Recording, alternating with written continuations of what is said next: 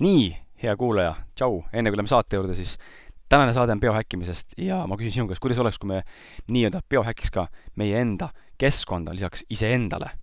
see on võimalik, sest selline riidebänd nagu NOP ehk New Ordinary People on ennast üles ehitanud maailma jätkusuutlikkusele. oma riiede tootmisel ja materjalide kasutamisel on nad sada protsenti keskkonnasõbralikud, kasutades ökoloogiliselt kasvatatud orgaanilist puuvilja ja ökoloogilisi trükivärve ja pean tunnistama, et riided on väga pehmed ja ülikvaliteetsed. esimesel hetkel neid selga pannes ma olin ausalt öeldes heas mõttes šokeeritud, väga pehme, väga mõnna. ja lisaks iga ostetud tootega istutavad nad ühe puu maailma erinevatesse paikadesse see on üks viis, kuidas võidelda metsade hävitamise vastu ja ühtlasi aidata sellel planeedil, kus me elame, olla jätkusuutlikum koduleheküljelt newordinarypeople.com leiad riideid nii lastele, naistele kui ka meestele ja kasutades sooduskoodi kriskala kümme või ausad mehed kümme, saad ostukorvilt miinus kümme protsenti alla. head shoppamist sulle ja loomulikult head saadet!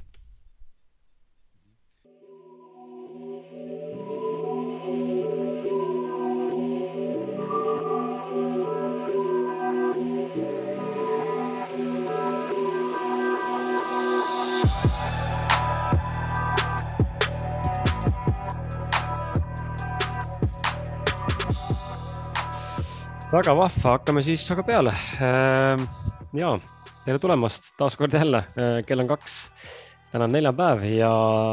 täna on eelviimane saade, eelviimane saade meil sellest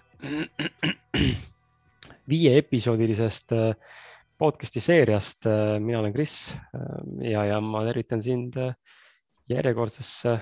biohäkkimise saatesse, et möödunud kolm saadet siis on meil selja taga, neid on võimalik järgi kuulata endale meelepärastest podcast'i platvormidest ja, ja samuti tegelikult ka Kris Kala Youtube'ist näeb siis videopilti, mida sa näed ka hetkel siin ja samuti siis äh, sama live, mida sa hetkel näed, see tuleb kohe äh, läbi Facebooki ausad mehed lehekülje ka äh, nähtavale ja saadavale. nii et Ähm, selles mõttes on, äh, on tipp-topp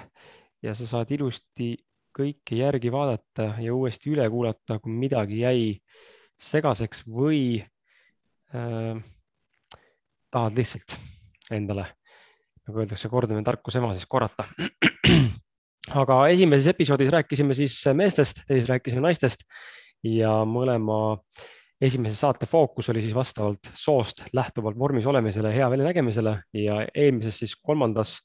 selles podcast'i seerias me rääkisime intervalli vaastumisest ja selle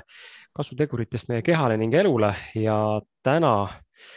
täna siis äh, võtame ette sellise asja nagu vitamiinid, mineraalid, toidulisandid, stiimulid ja, ja kuidas kõiki neid siis kasutada või mitte kasutada selleks, et äh, olla optimaalne Äh, mina optimaalne,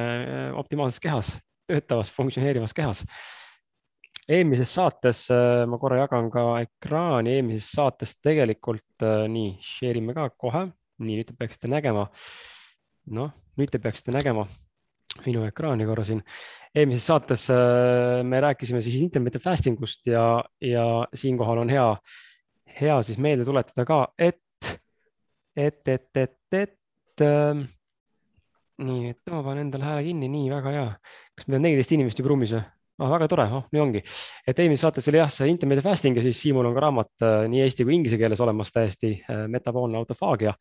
ja nii nagu siit lugeda võib, siis on äh, raamatu siis alapealkiri on Practice intermittent fasting and resistance training to build muscle and promote longevity. et kindlasti seda endale vähegi võimalik on siis soetada või kuskilt, ma ei tea, kas raamatukogudes äh, Siim, kas raamat on juba saadaval või pigem ainult müügis? äh,? ma, ma ei, ma ei usu no okay. vähemalt seal nagu seal selles Rahvaraamatukogus peaks vist olema vähemalt okay. e, see nagu e-variant e, e-raamat mm. -hmm okei okay., et kui vähegi võimalik on, siis kindlasti võtke endale see, mul endal on see praegu veerand on loetud ja noh, infot on palju ja võtab natukene aega seda kõike implementeerida ja endale meelde jätta ka. aga kindlasti soovitan need e-raamat, mis läheb siis tänase saate eh, juurde osaliselt on siis Immunity Fix ja tegelikult sul on ka Mineral Fix, mida mul siin praegu lahti ei ole. Voh, siinsamas paistab juba. Et on Immunity Fix ja Mineral Fix. Äh, ja täna me siis keskendume enda saates rohkem siis ka sellele mineraal, mineraalide nii-öelda poolele, vitamiinide poolele ja mis tegelikult on ka seotud siis meie immuunsusega, aga mm. paneme siit stop share, tuleme selle saate juurde tagasi, nii. Aga ühesõnaga, lähme siis kohe siit tänasele mõnusa selle vestluse juurde. Ja ma küsiks alustuseks, Siim, sinult sellist asja, et Ehm, ja selle, selle ei pea pikalt peatuma, sest et see on äh, väga tuline teema. Covid, täna algas uued piirangud, eks ole, me ei räägi piirangutest siin, aga mis ma hakkasin mõtlema siin üks päev äh, seda kogu selles infos sees olles siin, meil on see pull poolteist aastat kestnud, eks ole. see nali siin, mis siin toimub ja, ja on ta tõsine või mitte tõsine, kui tõsine ta on, see on igaühe indiviidi otsus, on ju, kuidas keegi sellesse suhestub ja sellesse nakatub, mitte nakatub, aga me räägime ikkagi, väga palju räägitakse sellest, et ähm, tuleb ennast siis vaktsineerida või siis ennast, äh, ma ei tea, mis iganes muud viisi teha tegelikult mina usun äh, ja ma arvan, et sa oled nagu kasvõi, kasvõi mingis mahus äh, samal nõul, panen kohe, sorry, panen selle meili kinni, samal nõul. et äh, tegelikult me võiksime ju hoopis sellise haiguse või sellise viiruse pandeemia puhul rääkida tegelikult ka sellest, et Äh, ma ei tea, kas täis, täis tervislikust toidust, eks ole, äh, mineraalidest sisse endale saame toiduga või mida me ei saa, vitamiinidest, mida sisse endale eraldi võtta. et üleüldises pildis seda immuunsust turgutada ja võib-olla siis ka, kui sul on juba niigi hea immuunsüsteem ja, ja üldse tervis, siis seda ka võimendada või hoida. et mis sa siinkohal arvad, kas, kas äh, noh, kui palju on üldse viirused näiteks seotud immuunsusega, kas lühidalt öeldes, kui sellest äkki uurin natuke lugenud selle kohta võib-olla või pigem on see, et noh, täitsa nagu eraldi laiali jooksev teema?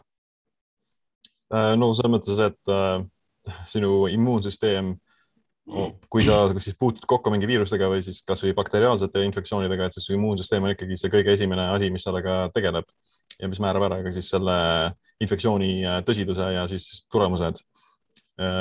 selles mõttes, et sinu jah, et sinu immuunsüsteemi tugevus ja selle tugevuse tase on jah, kõige siukseid tähtsamaid asju. Äh, on kindlasti ka olukordi, kus siis terve inimene jääb haigeks ja võib kogeda nagu päris halvasti seda, aga enamasti on siis, äh, et mida halvema tervisega sa oled, mida rohkem sul neid siis neid kaashaigusi on, seda siis äh, halvem olukord ka on, et nagu see on päris nagu siis päris kindel nagu vähemalt siiamaani juba on teada, et see nagu vastab tõele. ja,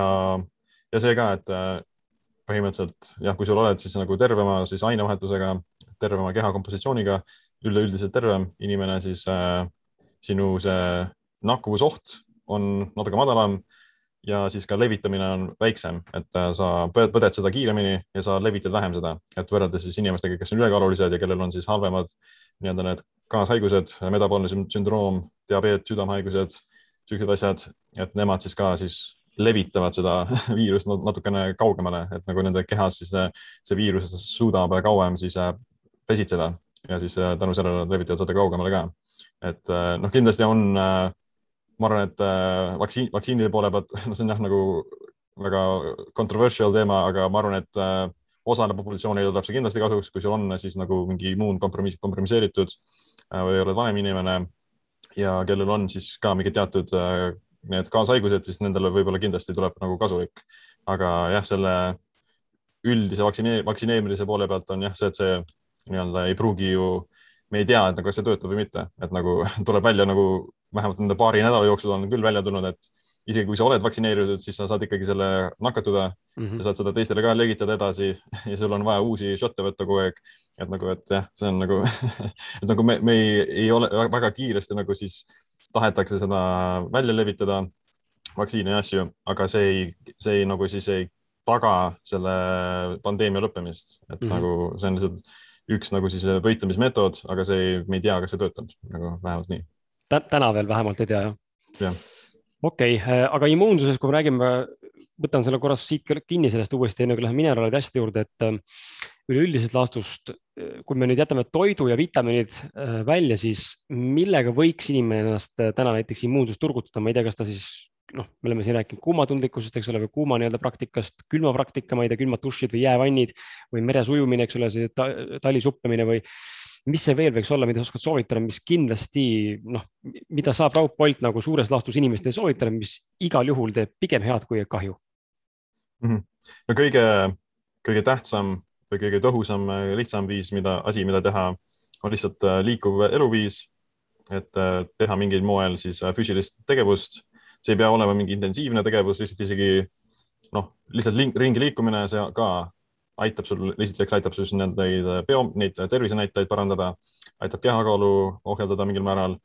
ja see liikumine ise ka siis soodustab immuunsuse nii-öelda siis järelevalvet, et sinu immuunrakud muutuvad rohkem siis val, val, valvel olevaks, et nad siis hakkavad nagu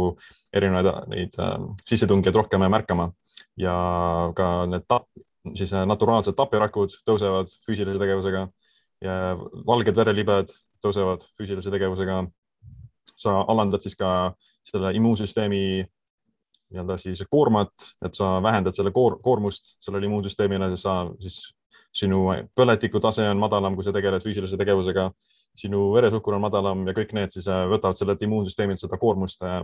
vähemaks, sest äh, sinu immuunsüsteem on ainult üks nii-öelda süsteemidest sinu kehas, mis toimivad. on ka teisi süsteeme ja need kõik nõuavad ka nagu mingil määral ressursse, nii toitaineid ja mikrotoitaineid ja siukseid asju ja need, kui sa siis immuunsüsteem peab või siis teised, teised süsteemid nõuavad neid toitaineid endale, siis immuunsüsteemil läheb nagu vähemaks, et jah, füüsiline tegevus lihtsalt nagu parandab sinu üldist tervist ja vastupidavust. Äh, lisaks sellele ma arvan, et noh, Eestis vähemalt noh, see päikesevalgusega on natukene nadi, aga, aga see päikesevalgus on ka siis üks, sest D-vitamiin on nagu üks kõige tähtsamaid hormoone. Mitte, mitte just nimelt hormoon, aga ka lihtsalt nagu sihuke toitaine, et see on üks kõige tähtsamaid siis väga-väga äh, tähtsaid funktsioone on kehas sellel. Ja isegi mitusada, mitusada siis niisugust erinevat funktsiooni vajavad äh, D-vitamiini, et äh, immuunsüsteem vajab seda, hormoonid vajavad seda, ähm, siis sinu ööpäevane kell vajab seda, ainevahetus vajab seda ja nii edasi, et see on lihtsalt väga tähtis nagu saada seda, et kui sa oledki noh, pidevalt siis noh, selle üks arvatakse, et üks põhjuseid, miks siis äh, gripihooaeg kipub olema siis pimedatel kuudel ongi lihtsalt selle D-vitamiini puuduse tõttu ja mm -hmm. ei ole nagu nii palju päikesevalgust. ja jah, see on nagu siis, mida võib, oleks vaja siis maksimaliseerida vähemalt nagu nii kaua, kui seda on veel. et kõige loomulikum viis äh, siis D-vitamiini toota ongi päikesevalgusest, et siis sa saad selle nagu õiges, õiges spektrumis ja no ütleme, toidu selle lisandina või toidu lisandina võtmine on ka nagu okei okay,, aga siis peab olema ka siis teadlik teistest toidulisanditest, mida siis seda, mida sellega kombineerida. et kui sa võtad ainult D-vitamiini, siis väga-väga suures koguses nagu mingi paar tuhat seda rahvusvahelikku ühikut mm, -hmm. siis sa saad nagu selle väga suure koguse ja sinu siis vereringlusesse jääb see mingil määral paikse, paiknema ja sul on vaja seda D-vitamiini tegelikult siis suunata õigetesse kohtadesse, nagu luustikusse ja talletada seda. Ja selleks on vaja siis ka teisi toidulisandeid, toitained nagu siis magneesium ja K2 vitamiin, et nagu need, kui sa võtaksid nagu D-vitamiini toidulisandina, siis oleks vaja ka siis magneesiumi ja K2 äh, vitamiini võtta sellega koos, et siis tagada selle D-vitamiini õiget, õiget talletumist, et muidu see üleliigne D-vitamiin võib ka olla siis nagu, võib mingil määral siis, siis kaltsifitseerumist soodustada, mis on siis mm -hmm. nagu südamehaigustele nagu kahjulik. okei okay., võib-olla lähmegi siin äh, sellesama teemaga keerulisemaks just selle koha pealt, et kui palju tegelikult tuleb mingeid asju korraga süüa samal ajal süüa, et nad üksteist toetaks või siis üks äh, emb-kumb, mõni, mõni, mõni vitamiin siis saaks nii-öelda oma täispotentsiaali ära kasutada selles ähm, või keha saaks täispotentsiaali ära võtta sellest äh, sisse võetud asjast, et see on, see on väga huvitav ja kui sellega ei ole varem ise kursis olnud, siis tegelikult noh,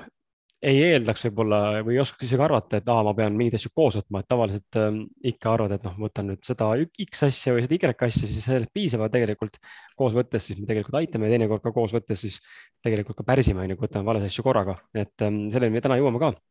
Aga äh, puudutame korraks äh, stressitaset, äh, et sul on, sa kirjutad raamatuga stressist tugevamaks, et ähm,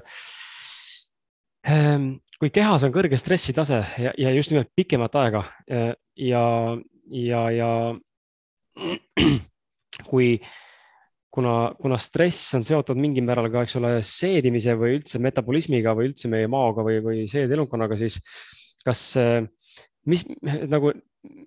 mis nagu aitaks siinkohal, et kui tõesti inimesed, näiteks me rääkisime eelmises saates ka, eks ole, kui inimesel on seedimisega probleeme, on ju, siis sa mainisid ka stressi seal, et kuidas siis nagu seda tasakaalu leida, et kuidas seda stressi endas vähendada, sest et ilmselgelt ka stress täna, kasvõi need, mis meil siin mõnes äh, hetkes juba käes on, mõne jaoks on piirangud stress, eks ole, mõnel on maski kandmine stress, mõnel on see vaktsiin stress, mis iganes veel.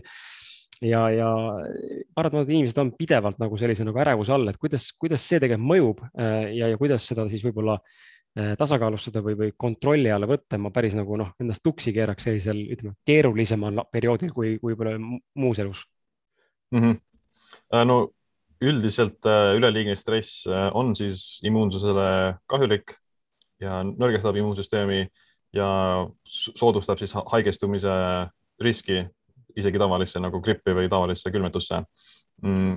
selleks nagu, mida, mida teha selle jaoks, et äh, noh, mingil, mingil määral nagu stressi ei saa täielikult vältida. et äh, me kõik kogeme mingil määral stressi aeg-ajalt ja, aga no samas ka stress on väga subjektiivne, et äh, jah, osad inimesed siis mõtlevad asju hullemaks, kui nad tegelikult on ja siis tänu sellele sa tekitad endast suurema stressireaktsiooni, et see psühholoogiliselt su aju ei saa nagu siis aru kust see stressiallikas tuleneb, et äh, ta tajub ainult siis seda, mida sa enda ajus nagu siis ette kujutad, et äh, kui ütleme et näiteks, et äh, sa istud siis kuskil, ma ei tea, toolis ja vaatad filmi ja sa võid näha mingit siis noh, ütleme mingit põnevat filmi, kus on mingi action ja siukesed asjad ja su vere, vererõhk tõuseb, su südamelöögisagedus kiireneb ja sa nagu füüsiliselt koged nagu mingit stressi. Sel, sellepärast, et see nagu siis on ärevust tekitav ja põnev võib-olla. aga samas su nagu psühholoogiliselt ei ole nagu see väga stressirohke, sest sa mingi nagu naudid seda. võrreldes sellega, kui sa nagu tegelikult oleksid kuskil niisuguses reaalses eluohtlikus olukorras, jooksed mingi röövi eest ära siis on nagu lugu teine, sellepärast et sa psühholoogiliselt ikkagi äh, saad, saad aru, et see on nagu eluohtlik olukord ja siis tänu sellele sa koged seda rohkem eh, stressireaktsiooni ja see siis on mingid noh, trauma tagajärgisid on ka äh,. Aga jah, et see psühholoogiliselt me saame nagu siis alati muuta oma seda vaatevinklit äh, sellele olukorrale, milles me oleme, et äh, me saame näha siis seda, kas siis mingisuguse suure stressiallikana, asjana, mis teeb meile hästi palju kahju või me saame seda siis väga lihtsalt ümber muunda, muuta selleks, et äh, me vaatame seda kui asja, mis ei ole nagu nii stressi, stressirohke või siis asja, kui, äh, mis tegelikult äh, võimaldab sellest olukorrast mingil määral äh, kasu saada mm. -hmm. me siis nagu hakkame mõtlema nende kõikide teiste kasutegurite üle, mida me sellest olukorrast võime võita. Mm, näiteks mingi jah, et nagu trenni puhul, et me saame, kui inimesele ei meeldi trenn, ta vihkab seda, siis ta võib seda ka, siis see võib tekitada nagu rohkem stressi, vähemalt vaimset stressi. aga kui inimesele meeldib trenn ja ta siis teadvustab endale, et see on minule kasulik ja see aitab siis mul tervem olla, siis äh, seda psühholoogilist nagu stressi äh, ei teki nagu füüsiliselt on ikka stress, äh, selles mõttes see kasulik stress füüsiliselt, et su keha kogeb seda väikeses koguses stressi, mis siis soodustab seda tervist ja tugevdab seda immuunsust ja antioksüdante.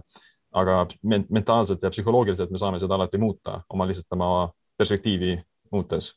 et äh, siinkohal, siinkohal on ka kasulikud erinevad siis niisugused vaimsed tehnikad nagu mingi meditatsioon äh,, Mm, äh, kindlasti mingid äh, hingamisharjutused võivad seda siis ärevust äh, alandada.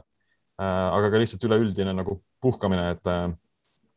noh, pidevalt nii-öelda siis mingi uudiseid lugedes ja pidevalt kuskil sotsiaalmeedias kinni olles me, inimesed võivad jah, väga kergesti siis langeda selle kroonilise stressi küüsi. aga kui me siis hoiame sellest natukene eemale, siis me saame ka siis seda olukorda paremini vältida mm. -hmm. seda, ma arvan, meist on paljud äh, kogenud, et äh, kaasa arvatud ma ise teinekord, kui väga noh, just tänane olukord on nagu selline, millest kahjuks õnneks ei pääse kuidagi mööda, varem või hiljem kuskilt sisse imbub sulle onju ja siis ise teadlikult uudiseid ei jälgi, eks ole, võib-olla hoiad sellest eemale ja siis kuskilt viskab ja siis korra mingi asi trigerdab, eks ole, tunned, kuidas keha ka biokeemiliselt, eks ole, ise ka mentaalselt kohe reageerib teinekord sellele ja, ja mingi asi läheb rohkem, no ei tea, tekib rohkem stressi, tekib ärevus, tekib mingi hirm, tekib mingisugune viha, mis iganes veel, et see on hästi huvitav, kuidas sellest Äh, võib ka välja kasvada ka reaalselt mingid haigused või noh, mingisugused, ütleme immuunsuse sellised väiksed tõrked onju, sest sa lähed nagu oma sellest äh, tasakaalust nagu välja, mis oli sul see hea termin oli see hom homeostaas või? Jah mm, et lähed oma sellest, sellest keskmest nii-öelda välja onju ja siis tekivadki nii-öelda äh, ebatasakaalukused nii-öelda või noh, mingid errorid. aga kui me räägime mineraalidest ja, ja vitamiinidest, milleni me kohe jõuame ka, aga kui lisaks nendele näiteks tuleks, kas tuleks tähelepanu pöörata näiteks äh, eraldi puhtalt äh, näiteks seedimisele ja, ja soolestikule ja näiteks ma ei tea, kas siis noh, ega sa peaks jälgima ainult puhast toitu, äh, puhta vee joomist, äh, mingit kõhumassaaži või me peaksime tarbima ka mingisugused neid, mis on need probiootikumid, mingisugused ensüümid, äh, ma ei tea, fermenteeritud ehk äritunud toit või on seal midagi veel, mismoodi saaks tegelikult seedimist ja soolestikku nagu toetada? ja mm, -hmm. ja äkki oskad siin ka natuke mingeid mõtteid anda ja siis läheme vitamiinide, mineraalide juurde mm. -hmm no see on, see on tõsi, et sinu soolestik ja siis mikrobioomil on väga suur mõju ajutegevusele ja siis tujule ja sihukestele asjadele, sellepärast et nagu hästi palju siis nendest bakteritest toodavad teatud neurotransmittereid ja see aju on tegelikult ka otseses ühenduses selle siis kõhuga mm,. kui on nagu mingisugused nii-öelda põletikud ja sihuke mingi autoimmuunsus, siis soolestikus autoimmuunsuse reaktsioonid, siis see võib äh, nii-öelda mõjutada siis mõtlemist küll ja võib tekitada niisugust äh, väikest äh, pisikest nagu stressi, mis hoiab sind nagu pidevalt ärev, ärevel. et äh, kui on nagu mingi, ma arvan, et on, see on rohkem siis niisuguse allergiate poolt tekitatud, et kui on mingi gluteeniallergia, munaallergia või jah, mingi teadmatu allergia mingi teatud mm -hmm. toidu vastu, siis see jah, alateadlikult äh, tekitab nagu väike stressi ja põletikke, mis siis hoiab seda füsioloogiat nagu pidevalt selles äh, äreval, äreval seisundis äh,. selle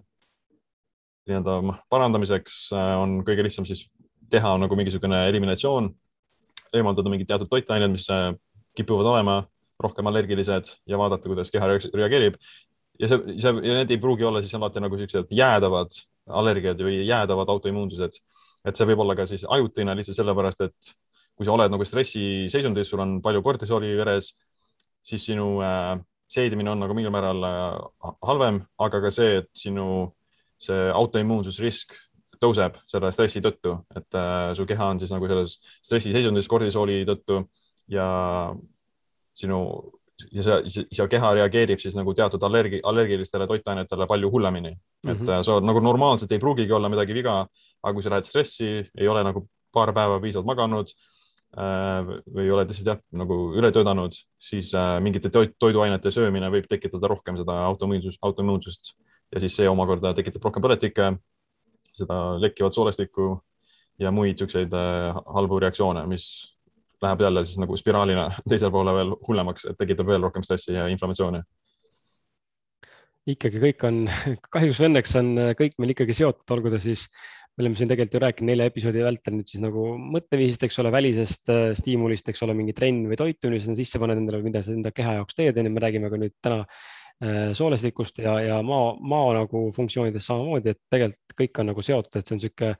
inimkeha on niisugune tore mehhanism, mida, mida tundub, et mida varem sa selle äh, läbi lõhki äratundmise või noh, tundmaõppimise siis äh, endale selgeks teed, seda, seda toredam on iseendaga elada ka ja mulle tundub, et noh, sul on vaata hea, sa oled nagu nii pikalt seda praktiseerinud, ütleme selles mõttes sellist eneseteadlikkust ümber oma keha, onju. mina võib-olla ka mingil määral, aga mitte nii süviti, ma kujutan ette, et paljud ei ole üldse Äh, kursis, mis nendega tegelikult toimub ja võib-olla paljud ei tunne ka, äh, kui midagi enda kehas on valesti või et aa, et üks toit mõjus teistmoodi või et see oli nii ja see oli naa ja et see, selleni jõudmine eeldab ka nagu päris tõsist äh, sellist nagu vaatlemisoskust. et mm -hmm. noh, ma ei kujuta ette, kuidas,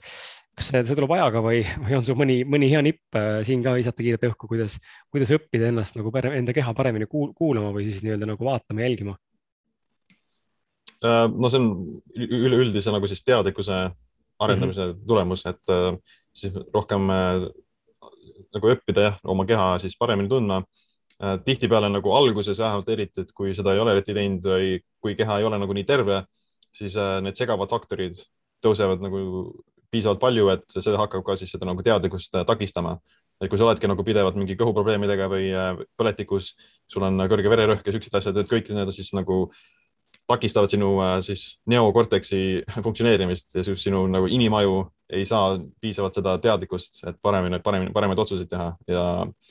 siis tihtipeale ongi inimesed võib-olla rohkem nagu reageerivad välistele mm -hmm. teguritele, et nad siis ongi nagu väga vihased või pidevalt siukses nagu närvis, et see on nagu see on lihtsalt selle tulemusena, et nagu nende ajutegevus on nagu takistanud või nende ajutegevust takistab siis see halb füsioloogiline seisund, et kui ta ongi siis halvas, halvas, halva tervisega, halva siis äh, parajasti selle füsioloogilise seisundis, seisundis, siis äh, jah, nende mõtlemine on nagu hajutatud natuke, et seda saab jah parandada ka nii, et äh, teed mingi meditatsiooni ja sihukeste asjadega. aga ka lihtsalt selle nii-öelda paremini toitumine, paremini toitudes, trenni tehes ja lihtsalt nagu rohkem seda aega võttes distantseerida ennast nagu sellest sündmustest, see aitab seda suurendada siis seda nii-öelda rea-, reaktsioonipanka nii-öelda, et sul on mm -hmm. siis rohkem, pikem, pikem periood, mille sees sa saad reageerida, selle asemel, et sa koheselt kuidagi äh, lähed närvi või koheselt reageerid mingitele sündmustele, selle asemel sa siis saad pikendada seda ajaperioodi, mille sees sa siis jälgid seda sündmust ja siis vastavalt sellele teed parema otsuse. Äh, ma, ma ise, ise kasutan seda terminit, et on see karikas, äh, mis saab nagu täis, eks ole, mingil hetkel, siis sa nagu pikendad, ehitad seda karikat pikemaks, kõrgemaks, aga mm. seal on, seal on see oht, et me siis ju võib-olla, kui me õpime mitte, õpime ennast taltsutama või nagu talitsema, et me ei reageeriks aga seesmiselt ikka veel nagu sihuke kurat hullult põled onju, siis mingi hetk see, see, see pikendamine muudkui läheb edasi, aga tegelikult sul see täituvus on kogu aeg läheb kaasa saama, jookseb paralleelselt, eks ju, lõpuks sa plahvatad ikka veel suuremalt, et mm. -hmm. või, või sa pigem arvad, et kui sa ikkagi niimoodi venitad seda nagu pikemaks, siis tegelikult ta iga venitamisega justkui nagu natuke rahustab maha ennast, tegelikult see taandub, see, see nii-öelda stress või viha siis su sees või? No ma arvan, et äh, no oleneb, oleneb võib-olla inimesest, et äh, kui sa hoiad nendest asjadest kinni ja siis hoiad vimma, siis äh, võib-olla jah, kuhjub sinu sees need asjad ja siis lõpuks plahvatad, aga ma ei tea, no vähemalt mulle, ma arvan, et nagu enamus inimestel võib-olla seal nagu ta, taandub ise ära, et sa pead lihtsalt nagu aega võtma selle enda rahustamiseks ja ta, taastamiseks ja siis see karikas nagu siis jah, läheb tühjaks uuesti mm. -hmm tuleme selle raamatu The Mineral Fix juurde, mis siis käsitleb äh, kahtekümmet kahte erinevat mineraali, mis enamikel inimestel või suur osa inimestel on, äh, on, on puudu või lausa puudulik, eks ole, siis ma küsiks sinu käest niimoodi, et kust tuli üldse idee see raamat kirjutada koos selle teise doktoriga, kelle nime ma ei mäleta, ta oli päris pikk nimi nüüd, perekonnanimi hästi keeruline ka, aga, aga mhm. et kust tuli see idee kirjutada see raamat ja ja miks just need kakskümmend kaks nii-öelda mineraali, kas mineraal ainult kakskümmend kaks tükki kokku, on neid rohkem? Eh, ja miks me oleme siis tegelikult defitsiidis, kus see, kus see reaalne põhjus tegelikult on siis mm? -hmm. no põhjus, miks me kirjutasime, oli see, et eh, no see doktor James Di Nicolantonio, ta on varem ka kirjutanud siis soolast raamatu, mis räägib soola tähtsusest ja soola rollist kehas ja mineraalide kohta tal noh, ta, ta teab nende kohta ka palju ja siis inimesed lihtsalt nagu soovisid, et ta kirjutaks ka mingi mineraalidest rohkem raamatu. ja nii-öelda, miks me koos kirjutasime, oli see, et äh, no ta vähemalt nagu pakkus mulle seda varianti, et me teeks koos.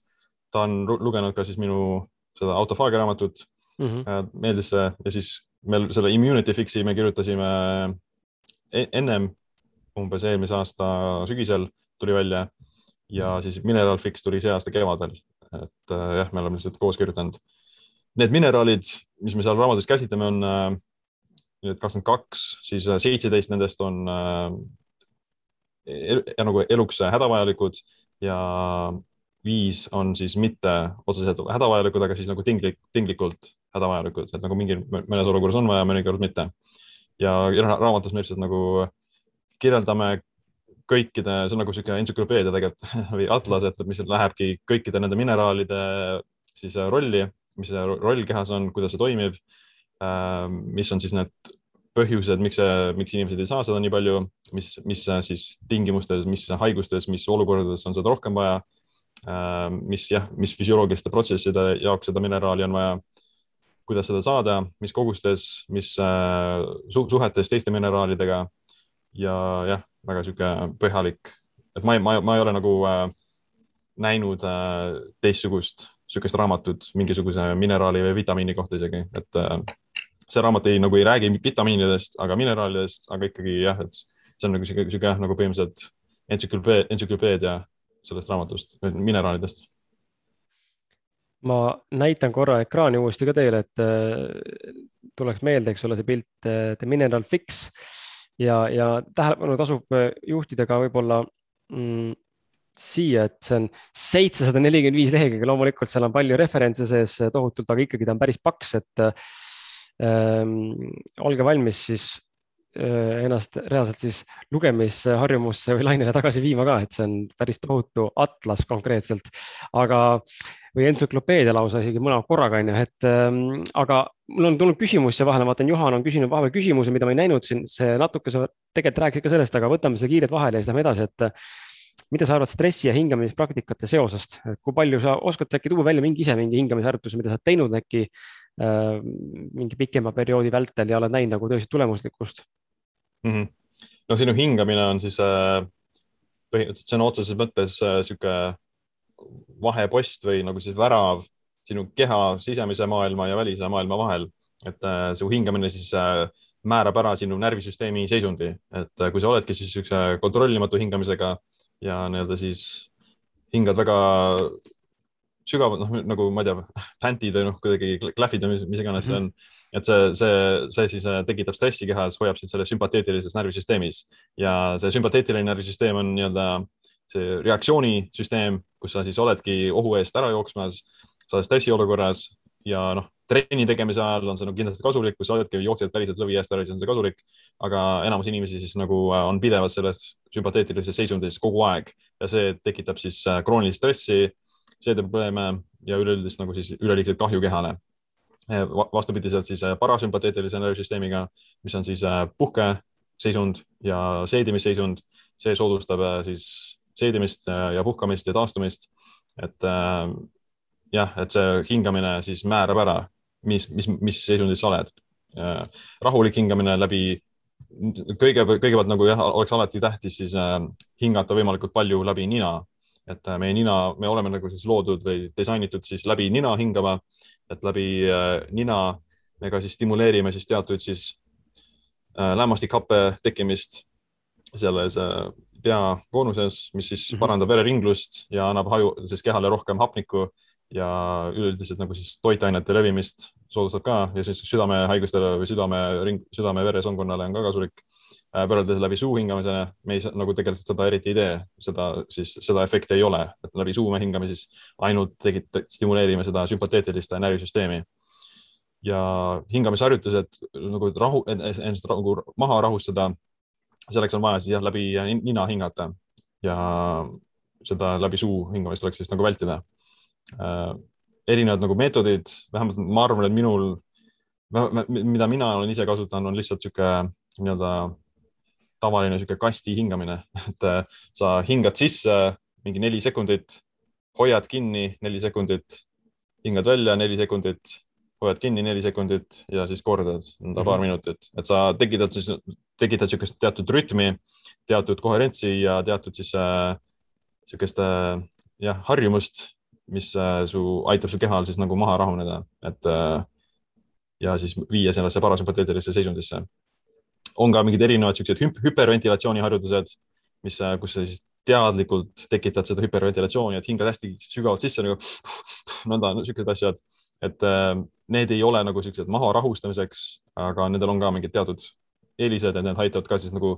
rohkem seda hapnikku sisse tõmmata ja vereringlust parandada ja siis mingil määral tekitada seda kasulikku stressi äh,, hormeesi nii-öelda, et äh, sul on siis niisugune väike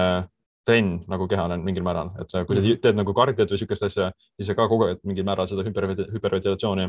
aga seda saab ka siis nagu lihtsalt istudes praktiseerida. et äh, isiklikult ma nagu igapäevaselt ma ei tegele sellega, ma olen lihtsalt nagu äh,,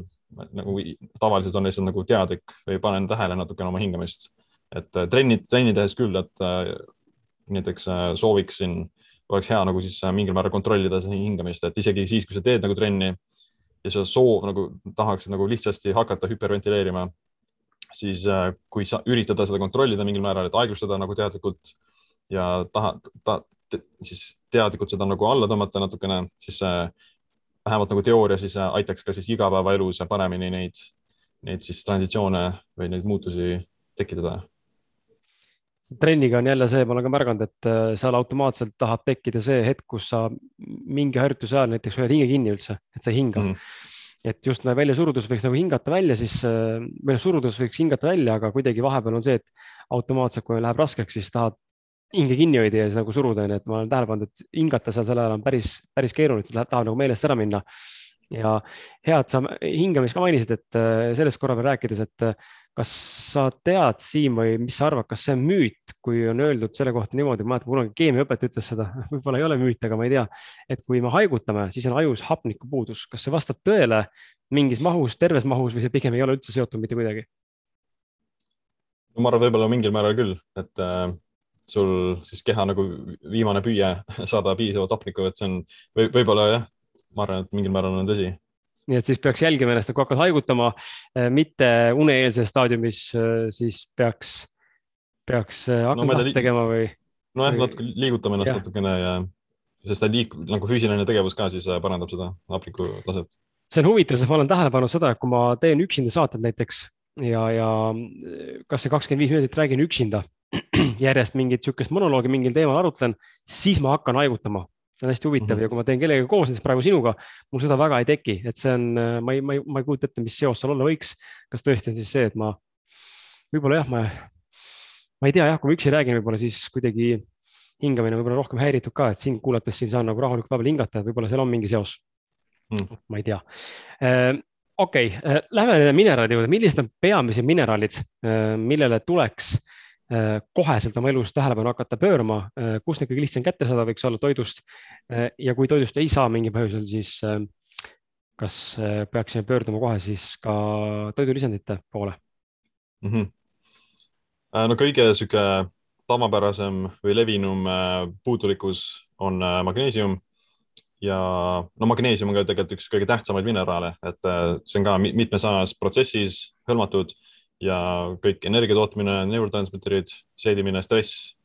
antioxidant defense, kõik need asjad äh, vajavad magneesiumi ja põhjus, miks magneesiumi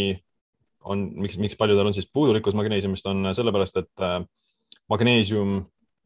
on nagu vä- vä- väga vähestes toitudes, et seda leidub ainult siis näiteks kõige rohkemat, kõige rohkemates kogustes äh, äh, need kõrvitsaseemned, lõhe, spinat ja mõned pähklid ja siuksed asjad. Et äh, jah, nagu väga paljud, väga paljudes toitudes ei ole nagu siis äh, suurtes koguses magneesiumi ja ka kõik need mullad ja toidud ise on siis magneesiumist ka ammendunud mingil määral, et seda kõik need, need pestitsiidid ja erosioon ja kõik need asjad siis vähendavad kõikide, kõikide toitainete, mitte ainult magneesiumi, ka teiste siis seda kogust selles toidus ja siis selle tõttu inimesed ei saa nagu piisavalt, piisavalt kogudes paljudes mineraale. magneesiumi, üks jah, magneesium on üks, üks niisugune asi, mis nagu üks vähestest toidulisandest, mida ma arvan, et nagu enamus inimesi nagu võiksid võtta mingil määral, sest see aitab ka siis stressi maandada, aitab äh, paremini magada, maha rahuneda ja ma arvan jah, et kui on niisugune mingi äh, nii-öelda siis alateadlik väike ärevus kogu aeg, et see võib olla väga kergesti põhjustatud siis äh, magneesiumi tõttu äh,. ja sellel magneesiumil ei ole ka nagu siis mingi reaalseid nagu siis äh, halbu tagajärgisid, et isegi kui sa võtad nagu liiga palju magneesiumi, siis ainus asi, mis võib juhtuda, on lihtsalt, et kõht tuleb lahti natuke, aga nagu muud, muid äh, siukseid äh, tagajärgi nagu ei ole sellel millisest magneesiumi vormist me räägime, kas me räägime magneesiumiõlist näiteks või, või me räägime tablettidest, räägime mingist, ma ei tea, kas pulber eksisteerib. ma tean ise, ma mingi hetk, kui mul silm, mingi aeg ma töötasin, noh, kui ma töötasin paar aastat tagasi ühes spordikojas, siis oli päris palju niisugust täisvalgust nagu praegu siin ka, aga kaksteist tundi jalgadel ja see täisvalgus kogu aeg, mul hakkas silm tõmblema mingi hetk Mhm. ja, ja nii retsilt, et ikka mitu kuud järjest tõmblesin, mõtlesin, mis jama see on, et see ei lähe ära ja siis, kui ma magneesiumi õli endale taldade alla hakkasin määrima, määrima, siis ma arvan, kuskil niisugune esimese kahe määrimisega võib-olla läks äh, silmatõmblemine ära ka. et noh, mulle tundus seal mingi seos olevat, ma võin eksida, aga et äh, tulles selle küsimuse tagasi, et mil, millist seda magneesiumi vormi siis võib-olla eelistada? mm. -hmm. Uh, jah, on uh, siis erinevad meetodid, kuidas seda manustada. transdermaalne nii-öelda läbi naha, et see võib olla üks nagu paremini imanduv, sellepärast läbi naha läheb nagu kiiremini. Et jah, mingi õlid võivad seda teha, siis need Epson soolavannid, need on ka hea üks variant uh,. teised variandid, teised variandid on siis ka mingid mineraalvett, milles on rohkem magneesiumi, et see mineraal, mineraalvees, veest sa siis omistad neid mineraale palju rohkem, mingi nelikümmend protsenti rohkem kui võrreldes toiduga. ja toidulisandina võttes on nagu need erinevad tüübid, on äh, hästi palju erinevaid vorme, treonaat, glütsinaat, tau, tauraat, malaat, oksiid, tsitraat ja kõik need asjad kõik üks nagu ei ole nagu otseselt nagu ei ole tähtis nagu millist vormi sa võtad, sest nad lõppkokkuvõttes ikkagi omistad äh, mingil määral, osad omistavad paremini kui teised. halvemad, kõige halvem on siis oksiid ja kõige paremad on siis glütsinaat äh,, äh, malaat, tauraat äh,, treonaat ja tsitraat on ka okei okay., aga jah, see oksiid on nagu siis tihtipeale nagu halb, aga teised nagu sa saad nagu mingil määral kätte küll mm. -hmm aga oskad sa äkki veel mõnda nimetada, kas ühe veel, mis on sihuke sinu meelest väga oluline, noh, me oleme siin nüüd rääkinud D-vitamiinist, magneesiumist ja võib-olla siis äkki üks veel, mis on sihuke must, must have nagu, et sa võiksid igal juhul mõelda selle peale mm. -hmm. no üks, üks teine sihuke väga suur puudu, puudulikkus on äh, kaalium ja kaalium siis äh, aitab kõige rohkem vererõhku ja vereringlust äh, parandada. kaaliumi nii-öelda puudulikkus nagu otsene, otsene puudulikkus ei ole nagu väga tõsine või väga, väga levinud, aga lihtsalt nagu sihuke, see on nagu väga suur erinevus siis sellel minimaalsel efektiivsel doosil ja siis, mis on optimaalne, et see erinevus ei ole nagu päris suur, et sa võid ellu jääda isegi väga väikse doosiga, aga see nagu ei ole nagu, mis elu see on või mis, see elu, elukvaliteet ei ole nagu väga kõrge siis või tervis nagu natukene halvem, et äh, optimaalselt siis äh, kaaliumi ütleme nagu jah, see kaaliumi kõrge, siis äh, enamus inimesi ei saa kunagi nagu piisavalt nii, nii palju kaaliumi, et see oleks nagu ohtlik. et kütid, korilased saavad siis tavaliselt kaaliumi mingi kümme tuhat äh, milligrammi päevas ja inimesed läänemaailmas saavad võib-olla mingi kaks tuhat. Äh, optimaalne kogus oleks kuskil neli tuhat, viis tuhat milligrammi ja selle toidulisandina kaaliumi nagu eriti ei ole hea võtta, et seda oleks kõige parem lihtsalt saadagi täistoidust. Ja kõige suuremad kogused äh, või suuremad kaaliumallikad on siis äh, kõik köögiviljad, puuviljad, äh, marjad, juurikad. et kartul on tegelikult päris hea kaaliumiallikas, et võrreldes banaaniga, nagu banaan ei ole nagu tegelikult niisugune väga hea kaaliumiallikas, et ühes banaanis sa saad võib-olla jah, mingi sada milligrammi või paarsada milligrammi, aga ühes kartulis, keskmises kartulis sa saad isegi kuni tuhat, et see mm. jah kartul on nagu palju suurem ja kõik teised ka mingid porgandid ähm, ja siuksed äh, kõrvid ja siuksed, siuksed asjad, et need on ka head kaalivallikad. see on päris äh, huvitav tegelikult, poleks uskunud, et tavaline kartul äh, sellise doosi annab, et nüüd tuleb hakata kartulit sööma, et, et kui siin arvestatakse kartul, valge kartul on nagu vaja välja võtta menüüst mingil määral, siis nüüd tuleb tagasi tuua et, et okei okay., aga mm. okei okay,, aga kindlasti ma arvan, inimestel, mu enda ka tegelikult eriti alguses ja nüüd tegelikult ka täna veel mingil määral on mingites kohtades segadus ka, et kui me räägime vitamiinidest ja mineraalidest, mille poolest need kaks erinevad ja, ja kuhu mahub näiteks äh, siia võrrandisse ka antioksüdandid, mille poolest need omakorda kõik siis erinevad omavahel, et äkki oskad natuke siin ka rääkida. ja ma küsin seda kõike sellepärast, et äh, sa eelmises vastuses mainisid ka seda, et, ähm, et sa võid elada küll äh, nii-öelda siis kas nagu kaaliumi väga madala nii-öelda sisalduse juures, aga mis elus on, eks ole, on ja kindlasti kehtib sama jutt ja näide ka, ma arvan, paljude teiste mineraalide ja vitamiinide juurde, mis elus on, et elad küll, aga mis elus on, et oled sa näinud mingeid uurimustöid või lugenud uurimustöid selle kohta, et Äh, versus noh, inimesed, kes siis on kogu aeg äh, vitamiini, mineraali, antioksüdandi rohke toidu juures äh, koos supplementidega või puhttoidu peal või mõlema korraga. Versus siis see grupp, kes on täiesti nagu noh, täielik puudulikkus on totaalses defitsiidis. et mis, mis, mis see nagu pikas perspektiivis siis elu, elueaga teeb või üldse nagu inimese vananemise protsessiga teeb mm? -hmm. no otseselt äh,, otseselt ma ei oska öelda, et nagu kui suur see protsent oleks, et kui, kui suur, kui mitu protsenti su siis sinu suremus oleks kõrgem. et äh, siukseid uuringuid ei ole olnud, aga see on küll nagu teada, et teatud mineraalide puudulikkus äh, soodustab ka teatud haiguste tekkimist, et äh,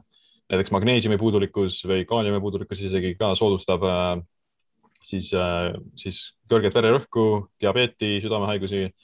mm, teisi probleeme ka, metaboolne sündroom et äh, jah, need kõik haigused, kui sa oled nagu defitsiidis selles, äh, siis täielikult, täielikult puudulik ja igal mineraalil on siis oma siis, äh, siis nagu siis vahemik, mis on siis optimaalne ja mis on puudulik. Ähm, ja ütleme näiteks diabeet, kui sa saadki diabeedi, siis sinu, vähemalt see uuringud on näidanud, diabeet siis vähendab eluiga keskmiselt mingi viis kuni kümme aastat. kõrge vererõhk ka mingi viis kuni kümme aastat ja jah, et nagu metaboolne sündroom ka umbes mingi viis kuni kümme aastat, et jah, kui sul ongi nagu need erinevad haigused käes, siis äh, sinu jah, suremus on palju kõrgem, see suremuse risk üleüldiselt. okei okay., see oleks, oleks nagu huvitav teada, kui mingi, keegi oskaks kasvõi välja öelda mingisuguse sellise noh, research'i peab mingi optimaalse protsendi, eks ole, kui ma nüüd neid üldse ei tarbi, siis holy shit, et vaata, nelikümmend protsenti on suurem soodumus ära surra või mitte ära surra, on ju, et. no selles mõttes, et sa täi, täielikult nulli mitte midagi tarbida ja, on nagu, nagu raske, et isegi kui sa sööd nagu noh, töödeldud toit, et äh, rafineeritud toit äh, ja siuksed väga rafineeritud jahud ja õlid ja siuksed asjad, need hävitavad küll nagu enamus, põhimõtteliselt kõiki nagu toitaineid, et äh, rafineeritud õli Äh, rapsiõli või siuksed asjad, et need, äh, nendes on null, null seda magneesiumi, aga võrreldes näiteks siis mingi seemnetega, millest osad õlid tehtud on, et nendes on no,, on küll seda magneesiumi, aga kui sa teed seda õliks, siis see magneesium nagu hävineb ära seal. ja, kui selleks, et saadagi nagu väga nulli lähedale, nullilähedaselt neid mineraale, siis sa peaksid jah sööma kõigepealt siis peaksid jah sööma ainult siis mingit äh, külmutatud pitsat või siukseid asju äh, mitu kuud järjest, et kui sa sööd nagu siukest vähemalt nagu normaalset siukest, vähemalt Eestis on siuke olukord parem, et äh, inimesed söövad vähemalt nagu siis ise tehtud toite ja täis, täis, täiskujul toite, et siis nad saavad ikkagi mingil määral neid mineraale küll, et täielikult puudulikud nagu ei ole nagu. Ja kui sa sööd näiteks ka ütleme siukseid mingeid määral supertoite äh, nagu näiteks maks või äh, munakollane, kus ongi hästi palju neid mineraale, siis äh, puudulikkuse risk väheneb veel, veel rohkemgi, et äh, näiteks ühes mingi kolmkümmend grammi maksa või viiskümmend grammi maksa, sa võid katta siis oma enamuse oma päeva vitamiinidest ja mineraalidest, sellepärast et see maks on lihtsalt nii täis neid toitaineid. okei okay., see on päris huvitav, maksa kohta ei teadnudki seda. okei okay. ähm, aga antijooksutundid, korra puudutage neid ka, et miks, miks, miks neid meile oluline sisse ahmida on ja, ja, ja miks tasub neile nagu tähelepanu pöörata ja kus me üldse tegelikult toidust, kui palju me toidust kätte saame neid mm? -hmm. no antijooksutandid on erinevad, et äh, C-vitamiin on üks nii-öelda siis antijooksutandi efektiga, äh, mida me saame siis enamasti siis köögiviljadest ja puuviljadest on ka siis E-vitamiin, millel on ka antioksidandiline efekt, aga natuke teistsugune. Äh, aga samas ka näiteks antioksidandid on äh, sulfur või mis see eesti keeles nimi on äh, mm,? ei tule praegu meelde. Vä, väävel, väävel, jah ja, see okay, väävel, et see on ka tegelikult ühe, ühe keha kõige suurema antioksidandi kaitsesüsteemi siis ressurss ja seda väävlit on vaja siis glutat, glutatiooni tootmiseks ja glutatioon on siis kõige tähtsam antioksidant, mis mida maks toodab ja see kaitseb kõikide erinevate siis stressorite vastu, äh, siis keskkonnast tuleneva reostumise, kõikide, kõikide nende siis äh, potentsiaalsete oksüdantidega ja stressiga aitab siis glutatioon toime tulla. ja näiteks väävlit sa saad enamasti siis tegelikult ka siis proteiinist, et äh, liha, kala, muna, nendes on kõige rohkem väävlit, aga ka näiteks brokoli ja need äh, ristlehelised, äh, ristlehelised köögiviljad, neis on ka natuke väävlit, aga natuke mm -hmm. vähem. et äh, jah, antioksidandid on tähtsad lihtsalt selleks, et siis elu, elus toime tulla, et nagu lihtsalt elus olemine tekitab seda oksidatiivset stressi. et meie keha on tegelikult siis pidevalt hävinemas, hingamine hävitab meie keha tekitab seda mitokondritele kahju ja nii-öelda kulutab neid läbi, et mida rohkem sa siis nagu energiat kulutad või mille rohkem seda oksidatsiooni koged, seda siis kiiremini ka sa mingil määral vananed ja need antioksidandid on vajalikud selleks, et seda oksidatsiooni vähendada ja samas ka siis seda kaitsemehhanismi tõsta selle oksidatsiooni vastu. ja jah, antioksidandid on, ma arvan, et kui sa söödki nagu niisugust tervikut toite mm,, siis sa saad nagu neid piisavalt antioksidante küll, et nagu rohkem antioksidante ei ole ka nagu alati kasulikum, sellepärast et kui, sest su kehal on nagu mingil määral seda väikest stressi ka vaja, et äh, kui sa täielikult ära blokeerid kõik selle stressi, siis sinu kehal ei ole seda nagu stiimulit selleks, et olla tugev nii-öelda, et kui su kehal ei ole põhjust olla näiteks vormis, ei ole põhjust äh, kogeda mingit seda või ei ole põhjust nagu vastu pidada stressile, siis ta muutub ka nõrgemaks, et mm -hmm. ja on ka leida, nähtud, et äh, nagu suurtes kogustes niisugune antioksidant, antioksidandi toidulisandina võtmine hästi-hästi suurtes koguses nagu C-vitamiin või E-vitamiin, selle võtmine, seda tegelikult soodustab ka mingi teatud haiguste tekkimist, sellepärast et su keha nagu muutub natuke nõrgaks, sest sa blokeerid kõike selle stressi ära, et sul on seda väikest stressi on nagu vaja selleks, et sinu keha oleks nagu natuke ärk ärkvel. kas siis stress on jälle niisugune selle doosi küsimus, et kui palju stressi, kui sa oled nagu siukse väga siukse põletikulise elust, elustiiliga, sa koged väga palju oksidatiivset stressi ja siukseid, sihukest oksidatiivset stressi, mida ei ole nagu otseselt vaja, nagu näiteks mingi unepuudulikkus ja suitsetamine ja alkohol ja halb toitumine, kõik need asjad, et see on nagu liiga palju seda stressi ja siis oleks jah, võib-olla kasulik mingit seda, need antioksidante suuremas koguses tarbida. aga kui sa ise tekitad endale seda stressi, ise tekitad seda endale, seda oksidatsiooni, et teed trenni ja koged kuuma ja külma, et see, see, see stress on nagu kasulik ja siis mm -hmm. selle, selle, selle nagu olukorras selles olukorras ei ole nagu vaja seda blokeerida ka, et siis on see tegelikult kasulik. et äh, kui sa näiteks võtaksid antioksidante peale trenni, peale jõutrenni eriti, siis need antioksidandid ka blokeeriksid ära need äh, siis signaalid, mis soodustavad lihashüpertroofiat ja seda adaptatsiooni trennile, et sa blokeerid selle signaali ära, seda, blokeerid selle stressi ära, mis annaks kehale märku, et tal oleks vaja siis lihast kasvatada, et see on nagu üks näide sellest, et alati ei ole nagu need antioksidandid head, aga siis, kui sa koged nagu mingi suur, mingis, mingil määral siis suuremat stressi või kui sul on mingi infek infektsioon, siis selle antioksidantide tõstmine on jah kasulik, aga mingit mitte nagu kogu aeg. Mm -hmm.. okei okay., paneme kirja endale, head rahvas, antioksüdantidega palun pidada piiri. Okei okay, äh,, lähme sinna Minerilu tagasi, see sa alguses rääkisid, korra mainisid D-vitamiini, et seda tuleks võtta, nagu ma mäletan, siis oli magneesium ja K2-ga koos. Äh, on veel mõningaid äh, mineraale, vitamiine, mis oskad välja tuua, mida tasub kindlasti koos võtta, et me saaksime sellelt äh, optimaalselt selle benefit'i kätte ja äkki tuua ka üks-kaks näidet selle kohta, et milliseid ei tasu kindlasti koos võtta, sest et need lihtsalt ei sobi või üksteist hakkavad pärssima, üksteist nullima mm. -hmm. Uh no näiteks äh, otseselt ma ei oska, oska öelda nagu, mida peaks koos võtma veel, aga ma võin öelda, et äh, vähemalt nagu, mis suhe osade vahel on, et üks, üks suhe siis on äh, tsingi ja vase vahel, et tsink, kõrges koguses tsinki siis äh, pärsib vase imandumist ja alandab vase taset. Ja siis selle tulemusena võib tõusta näiteks kolesterool ja võib ka tegelikult siis immuunsust äh, pärssida selle pärast, mm, et noh, kõrgestes, kõrgestes kogustes tsinki et kui võtta mingisugust tsinki toidulisand, sellepärast nagu toidulisandina tsinki kogu aeg ei oleks tark võtta, kui sul on siis äh, nõrgem immuunsüsteem või sul ongi infektsioon, siis võib-olla lühiajaliselt seda tsinki võib võtta suuremas koguses, aga pidevalt ei ole kasulik, et see jah, siis on, vähendab seda vase suhet. ja aga no samas võib vaske ka tõsta siis äh, maksa süües. Äh, vaske, vaske nagu toidulisandina ka ei soovitaks võtta aga võib võtta siis jah, nagu maksa süües või nagu mingit tumedat šokolaadi või niisugust, niisugust toitu, et austerid on ka vasega kõrged mm. -hmm. ja vask omakorda on siis rauaga suhtes ka, et äh, vask soodustab raua imandumist, aktiveerib hemoglobiini ja toodab punaseid vere, vere, vereliblesid. et kui sa siis ei saa, ütleme nagu see aneemia, nii-öelda siis rauapuudulikkus mm -hmm levinud, see ei ole tegelikult siis äh, või no, ütleme, alati ei ole põhjustatud siis rauapuudulikkusest, see on tegelikult võib rohkem põhjustatud olla siis vase puudulikkusest ja siis vask aitab seda aktiveerida. et üleliigne raud on ka nagu kahjulik, et äh, tekitab seda rohkem oksidatsiooni, sest raud hakkab nagu roostetama ja see tekitab siis organitele kahju äh, üleliigses koguses ja siis ka ateroskleroosi ja lihtsalt üleliigset vananemist, et äh, liiga palju rauda on halb ja raud, rauda toidulisandina nagu ei ole vist jah, vähemalt mulle, minu arvates ei ole nagu väga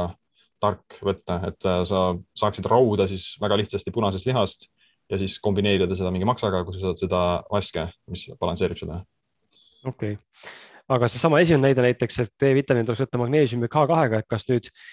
mitte nüüd siis, äh, noh, ma toon selle näiteks, eks ole, aga võime rääkida ükskõik missugusest äh, suhtest. et kas ta on ka vastupidine, kui me võtame magneesiumi, siis magneesiumi tuleb kindlasti võtta D-vitamiini K2-ga, et tal on nagu sama funktsioon kolmel nii-öelda või võtan K2, siis K2 tuleks võtta kindlasti koos magneesiumi D-vitamiiniga. või me rääkisime, et või, või ikkagi mõni suhe on ainult ühepoolne, et D-vitamiini mm. võttes tuleb võtta siis kahte asja juurde, aga nüüd magneesiumi võtta, siis tegelikult ei pea midagi võtma juurde mm. -hmm. ja kui sa magneesiumi üksi võtad, siis ei pea midagi võtma, et see magneesium on tohutu Äh, K2 puhul äh, ka, et sa võid võtta K2 üksi, et sa ei pea D-vitamiini sellega kasutama. See on väga-väga äh, hea, siin tuleb nii palju häid mõtteid ja asju välja just selle koha pealt, et kui, kui heas mõttes, kuivõrd keeruline tegelikult see alguses kõik võib olla inimese jaoks. aga õnneks on Siim kirjutanud suurepärase piibli, mida, mida võib lihtsalt ette võtta ja sisuliselt lugeda, et ma natuke lappasin ja sul on tõesti seal noh,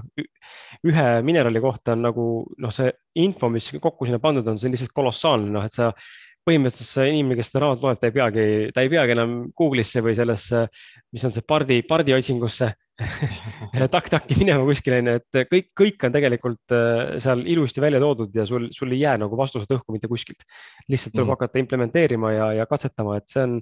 see on selles mõttes, sa oled, olete ära teinud kahekesti väga fantastilise töö, väga äge. selle mm. võtame, seda kindlasti tasub inimestel lugeda ja, ja kindlasti suunan teid tungivalt neid raamatuid minna ja ostma endale ka aga mm, tuleme korra toiduainete juurde. vaata jälle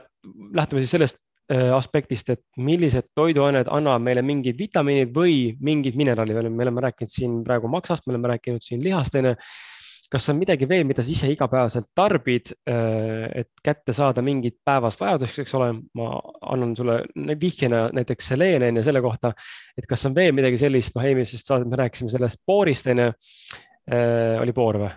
mm. -hmm. jah, et sellest, et tuleb võtta seda kuivatatud, kuivatatud ploomi, eks ole, kolm-neli tükki, siis saad selle kätte, onju. kas on veel mingeid toiduaineid, mida tuleks süüa igapäevaselt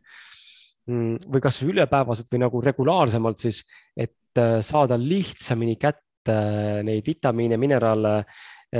versus siis see, et ma hakkan nüüd hullult neelama mingeid tablette juurde endale mm. -hmm. ja äh,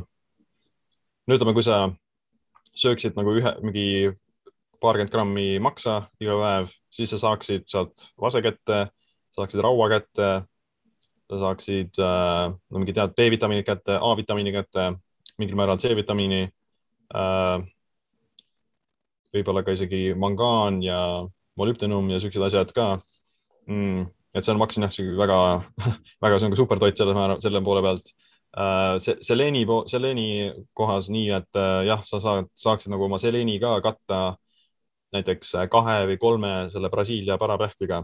et sealt saab nagu päevase seleeniumi kätte väga lihtsalt. Äh, osad, osadel siis nagu osades pähklites on vähem seleeni, et kui see mullas on vähem seda mineraale ja seleeni, siis selles pähklis on ka sedavõrra vähem. aga üldiselt see, see parapähkel ise on ka juba nagunii isegi kui see muld on nagu madalama selle kogusega, et noh, ütleme, et kõik mullad ei ole nagu, kui see, kui seal mullas ei oleks ühtegi mineraali, siis nagu sealt midagi ei kasvaks ka vist, et nagu mingil määral seda mineraali saad küll, et isegi kui seal on vähem, siis saad seda katta ikkagi mingi nelja parapähkega seleni vajaduse kätte küll. Äh, tsingi poole pealt, tsingi, äh, seda saab ka maksast mingil määral, aga teised toidud on siis näiteks austrid, et austrites on tohutult palju tsinki et mingi kolmkümmend, kolmkümmend grammi austreid, seal on mingi umbes sada grammi tsinki, et ja päevane vajadus on umbes mingi kaheksa kuni kümme grammi üksteist grammi, et äh, jah, kui sa sööd nagu austreid, siis nagu igapäevaselt nagu ei ole tark süüa neid võib-olla mingi korra nädalas maksimum, et siis sa saad selle nagu tsingipaugu kätte ja siis ülejäänud, ülejäänud nädal ei pea nagu muretsema mm.. Foori poolt jah, saad paar siis kuivatatud ploomi, sellega saab kätte äh, ütleme, C-vitamiini poole pealt, sul C-vitamiini vajadus on üpris väike päevas, et see soovitatud kogemus või see ellu, ellujäämiseks vajalik koge, koge, kogus on ainult tegelikult mingi paarkümmend grammi ja seda saab väga lihtsalt, siis äh, sööd mingi natuke köögivilju. Või siis näiteks äh, hapukapsas on niisugune rohkem eestimaine, kus on rohkem C-vitamiini. Mm.. Kaaliumi poole pealt mainisime kartulit, et kui sa sööd mingi paar kartulit, sellega saab, saaks kätte. aga lisaks ka teised köögiviljad et äh, porgand ja siuksed muud, muud asjad ähm,. taime, taimse poole pealt äh, ka näiteks äh, oad ja läätsed ja need, nendes on ka natukene vaske, aga palju vähem kui maksas. ja nende siis kiudainete poole pealt on see probleem, et äh, nad äh, siis kinnituvad erinevate mineraalide külge, et äh, need fütotoitained nendes ubades näiteks kinnituvad hästi palju tsingi külge ja siis su keha ei imanda või om, ei omista nii palju tsinki sellest toidust ja siis, siis ka väljutad seda teatud määral, et see ei ole nagu mingi tohutu kogus. aga kui sa tarbiksid ainult siis nagu taimset toitu, siis su tsingivajadus oleks natuke kõrgem, sellepärast et sa ei omista kõike seda tsinki, mis sa saad toidust mm. -hmm. Kuigi sa saad näiteks teisi asju, näiteks mingi äh, vaske ja natukene kaaliumi. Mm.. Okay. kroom, kroom on ka huvitav mineraal et äh, hästi palju aitab siis veresuhkru balansseerimiseks ja insuliini äh, tootmisel, et kroomi siis kasutavad ka näiteks mingid äh, noh, vähemalt mitte kõik nagu, nagu siis tavalised kulturistid ei kasuta seda, aga ütleme, mõned, mõned kogenenu, kogenenumad kasutavad seda selleks, et siis ka parandada siis insuliini tundlikkust ja aidata siis ka taastada glükogeenivarusid, et see kroom, kroom siis võimendab selle insuliini efekti ja siis juhatab selle glükoosi lihasrakkudesse paremini ja siis tänu sellele siis ka parandab diabeeti ja siukseid asju. kroomi, see, kroomi saab austritest ja siis ka nendest äh, mingid noh, ma ei tea, mis karpkalad või mis siuksed asjad, mis iganes mm -hmm. nagu karbilised, nendest saab kõige rohkem äh, kroomi, aga ka siis brokolist ja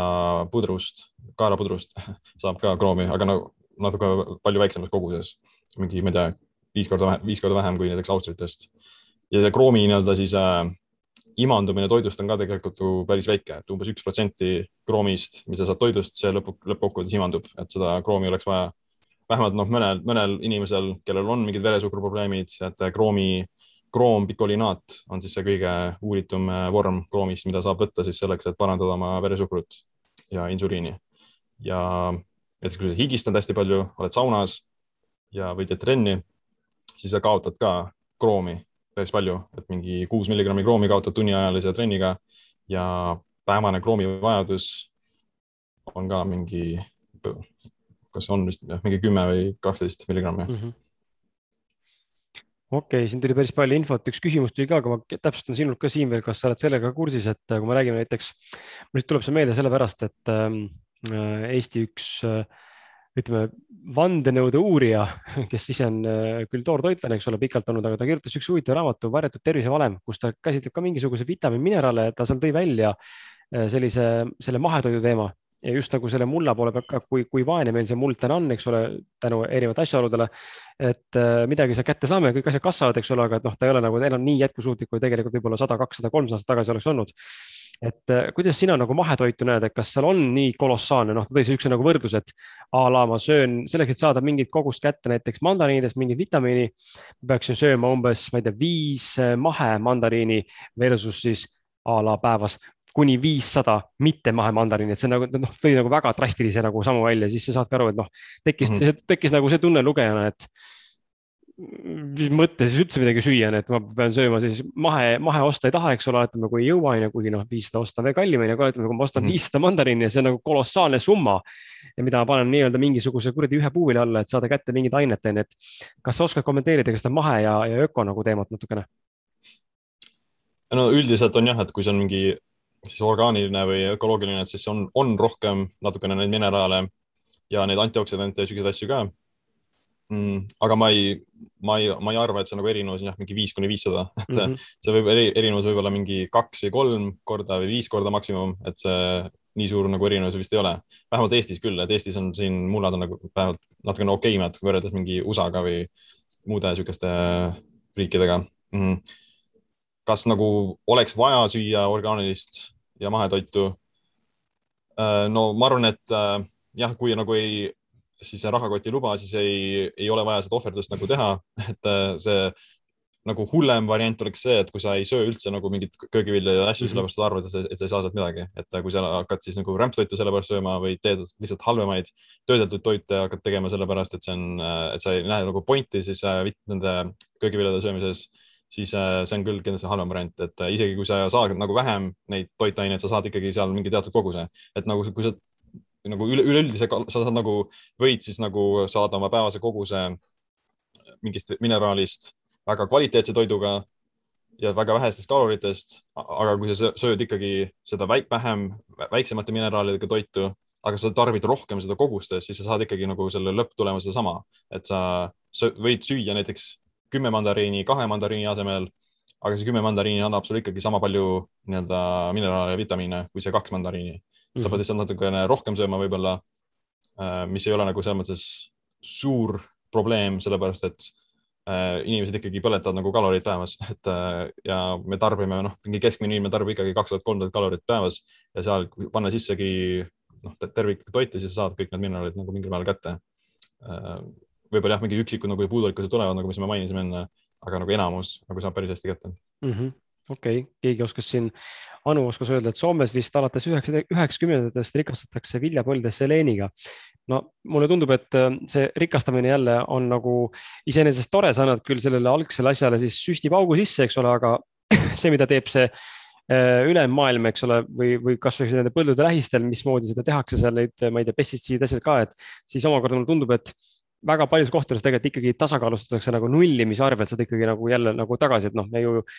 või mulle ainult tundub või kuidas sul siin tundub, kas see vastab tõele või pigem on see, et kui ikkagi muld on nüüd, oletame, võtame selle näiteks, kui muld on rikastatud, siis nüüd on nagu safe zone ja me oleme nagu teame, et see põld on legit ja siit võib süüa või, või, või pigem ikkagi see, see on ikkagi see oht, et äh, kogu see pollution, kogu see ümberringi olev jama tegelikult toob selle rikastamise tegelikult nii-öelda kasuteguri ikkagi alla lõpuks. Äh, no ma ei, otseselt ei tea, kuidas nad nagu seda rikastavad või. no ma pakuks, et no see on nagu see pollution ja siuksed asjad. Nad ei otseselt nagu ei mõjutaks seda mulla või ütlegi, kui, kui, kui see, kui see mõjutaks seda, siis see mõjutaks ka orgaanilise põllu seda kvaliteeti mm, -hmm. et äh, see on nagu selle, seda ei saa nagu siis mingil määral vältida, ma arvan, et see ei ole nagu suur probleem. et sa, kui sa ikkagi toitu kasvatad seal, siis need mineraalid nagu lähevad ikkagi toidu sisse ja, ja see pollution nagu otseselt nagu ei lähe sinna mm,. Ja siis üldise rikastamise poole pealt on küll nagu mõned, mõned rikastamised on nagu kasulikud olnud ajaloos et äh, näiteks paljudes riikides, kus on joodipuudulikkus, siis joodi, joodi, joodistatud soola kasutamine on siis olnud päris nagu hea, on äh, siis vähendanud siis hüpo, hüpo seda madalat äh, kilpnääre funktsioneerimist ja olnud ka nagu hea tulemus, aga osades riikides, kus on, kus ei ole nagu olnud see probleem ja on lisatud juurde rohkem joodi, siis soola, siis võib olla ka kahjulik, et jood on ka niisugune asi, et liiga vähe on halb, liiga palju on halb ja niisugune optimaalne kuskil keskel mm. -hmm. teised nagu näited, kus on siis rauda pandud igastahes teraviljadesse ja apelsinimahla, kus iganes, et siis on tegelikult, ma arvan, et see on pigem kahjulik, et siis nagu saad nagu liiga palju rauda, et äh, üleliigne raud ja mitte liiga, mitte piisavalt palju vaske. et see oleneb nagu, mis mineraal, et äh, seleeni rikastamine võib-olla on hea mõte, joodi nii-öelda rikastamine võib olla ka mingil määral okei okay., et oleneb, mis toitumine on, kui sa tarbid ant, siis saad oma ainsa, ainsa joodi saad sa soolast siis see võib olla siis hea, et sa saad oma siis joodivajaduse kätte. aga kui sa siis lisaks sellele ka sööd hästi palju joodirikkaid toite, siis võib olla kahjulik või võtad ka siis joodi toidulisandina veel juurde. et siis on ka võib-olla kahjulik, et see sõltub sellest nagu mineraalist mm -hmm.. okei okay., aga võtan siit, tahtsid midagi öelda või? ma mõtlen nagu, et kui rikastada mingi magneesiumi või sihukeste asjadega, tekitada mingi sihuke variant, kus on võimalik siis magneesiumiga rikastada toite või muldasid, siis ma arvan, et see oleks küll nii-öelda positiivne lõppkokkuvõttes mm. -hmm näiteks oma, oma kasvuhoones või aias oleks see mõistlik variant, mida proovida? jah, ma arvan kindlasti. okei okay., äh, Anu küsis siin või ta palus täpsustust sorry, palus täpsustust, et olen kuulnud, et magneesium ei taha rasvas imenduda. et kas pigem mitte rasvasõiduga koos seda võtta? Äh, jah, see on, see on tõsi, et äh, üleliigne rasv siis vähendab selle magneesiumi imandumist mm no vähemalt, vähemalt nagu toidulisand, kui sa võtad magneesiumi toidulisandina, siis seda mitte koos toiduga võtta, et äh, siis võttagi nagu eraldi. Äh, ka siis tühja kõhu peale või enne magamaminekut on tavaliselt kõige paremad ajad, kus võtta mm. -hmm. jah, et kui sa nagu toidust sööd nagu mingit, noh, mingit magneesiumirikast toitu ja seal on rohkem rasva ka, siis jah, mingil määral sa siis vähendad seda magneesiumi kogust sellest toidust ka või selle imandumist ja indikaator, kui ma õigesti mäletan, kuidas aru saada, kas äh, sul on liiga palju rasva, on siis see, kui junn hakkab ulpima vatis võimalik jah. võimalik jah. noh, see jah, kui seal äh, võib tava, võib-olla ka siis kõhulahtisus või äh, jah, mingid siuksed seedeprobleemid võivad tekkida. Okei okay., mul on sulle kaks viimast küsimust äh, kui teil on head äh, vaatajad-kuulajad siin küsimusi, siis neid saate praegu tulistada siia. ma küsin enda esimese ära, siis vaatame edasi. et äh, vee joomisest oleme ka siin äh, täna küll vähem, aga võib-olla mõnes eelnevas korra ka peatunud sel teemal, räägime korra vee joomisest ka, et millist vett juua, kui palju sa soovitad seda päevas juua liitrites, sest et see on jälle nii varieeruv, eks ole, mõni ütleb, et siin tuleks viis liitrit päevas juua, teine ütleb sulle, et piisab kuradi ühest tassist onju. et kuula enda keha onju, et palju tuleks vett juua, millist vett ja, ja, ja natuke räägi siinkohal ka meile juttu mm. -hmm. no vee, vesi nagu, kui sa jood nagu puhast vett, ütleme üleliigses koguses ja sa lähed siis äh, vetsu rohkem, siis äh, sa küll nagu väljutad elektrolüüte ja teatud mineraale. Äh, kas see on nagu probleem? see ei pruugi olla probleem, kui sa siis nagu taastad selle toiduga või taastad näiteks mingi toidulisanditega, et see ei ole siis nagu probleem, et see on nagu lihtsalt nagu sisse-välja analüüs, et kui sa ei saa piisavalt palju seda toidus ja sa ka väljutad seda rohkem, kui sa tarbid neid toitaineid, siis on jah, võib-olla problemaatiline. et siis selleks, selle vältimiseks siis saab juua näiteks mineraalvett või vähendada siis oma üleüldist nagu vee tarbimist, et äh, nii-öelda jah, iga tund kuskile vetsu minna, et nagu see ei ole ka nagu päris normaalne, et, et lihtsalt nagu pidevalt nagu vetsu vahel käia, sa lihtsalt nagu jah, väljutad kõiki neid mineraale. Aga seda saab nagu kindlasti taastada, kui sa siis jah, sööd rohkem teatud, tavaliselt nagu sool kõige suurem asi, mida sa väljutad, et siis kloriid ja naatriumsool, see, see nagu siis kaob kõige rohkem läbi uriini millist äh, vett sa ise kõige rohkem tarbid, kas pigem tavalist gaseeritud, mitte gaseeritud mineraalidega tavalist kraani oma, ma ei tea, mingit spets äh, puhastatud filtriga? Äh, ma joon ise jah, enda tavalist kraanivett, et noh, meil on siis kaev, see on nagu puhas asi. ma ei tea, kas seal võib-olla mingeid mineraale ka on, aga, aga jah, nagu ma otseselt nagu selle peale väga palju ei, selle üle ei muretse. et noh, ma tarbin küll piisavalt siukseid mineraalirikkaid toite ja kui tarbida või nagu mingid head variandid. no Eestis on noh, Värska, see on niisugune populaarne mm, -hmm. seal on noh, enamus, enamustes nagu mineraalvetes on siis natukene no, hästi palju soola või ütleme, osa, osakaalu poole pealt on enamuses sool ja siis ülejäänud on natukene võib-olla kaltsiumi ja magneesiumi.